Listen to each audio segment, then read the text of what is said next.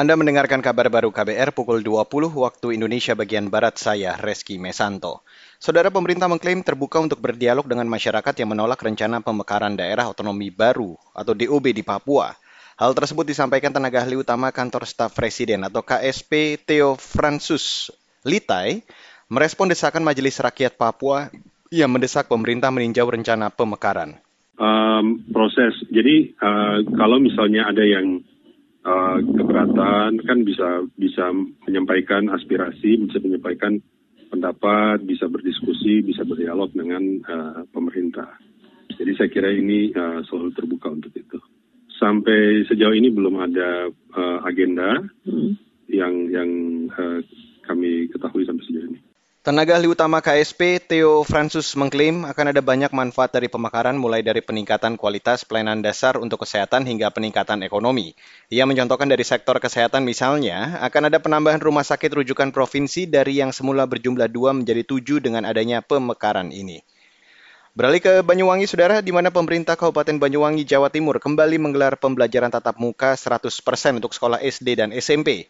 Kepala Dinas Pendidikan Banyuwangi Suratno mengatakan siswa yang akan mengikuti PTM harus mendapat izin dari orang tua mereka. Jika orang tua siswa masih ragu dan tidak mengizinkan, maka masih dapat mengikuti pembelajaran secara daring.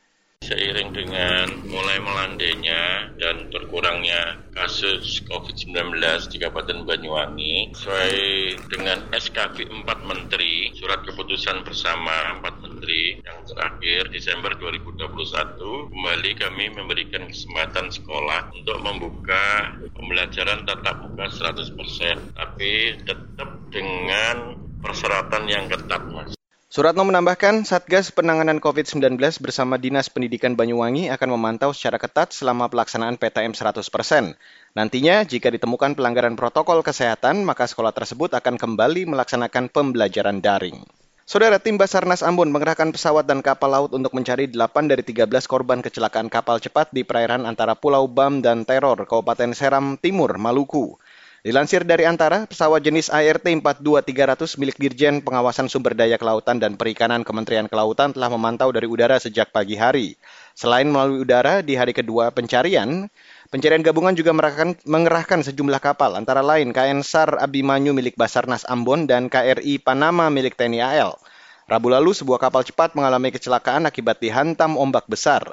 Saat itu kapal membawa 13 penumpang, 5 di antaranya selamat, sisanya dalam pencarian.